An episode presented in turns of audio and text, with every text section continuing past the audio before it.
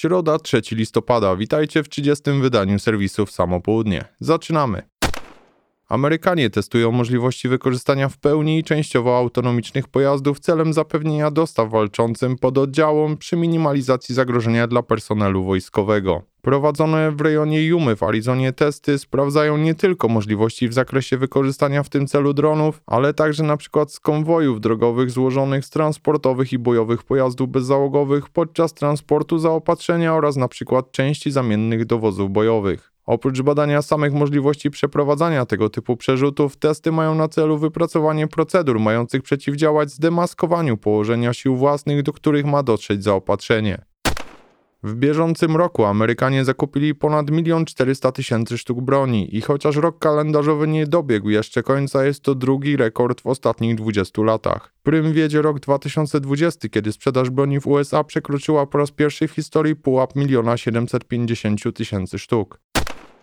Do sprzedaży trafił nowy 22-litrowy plecak Modular Combat Pack od Tasmanian Tiger.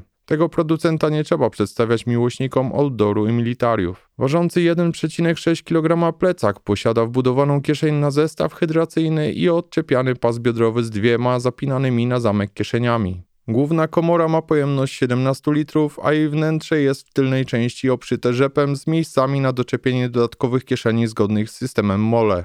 Z boków znajdują się ściągane gumową taśmą kieszenie na butelkę wody, a z przodu dwie dodatkowe zapinane na zamek komory o pojemności 2 i 3 litrów. Przód i boki wykonanego z kordury plecaka pokrywa cięta laserowo struktura mole. Na plecach wygodne wykończenie z tunelem środkowym z siatką dla zapewnienia właściwej cyrkulacji powietrza. Odpowiednią sztywność i wytrzymałość uzyskano dzięki wszyciu elementów wykonanych z aluminium. Modular Combat Pack jest oferowany w kolorze czarnym, oliwkowym, kojocie oraz w kamuflażu multicam. Cena to 299 dolarów, a link znajdziecie jak zwykle w opisie odcinka.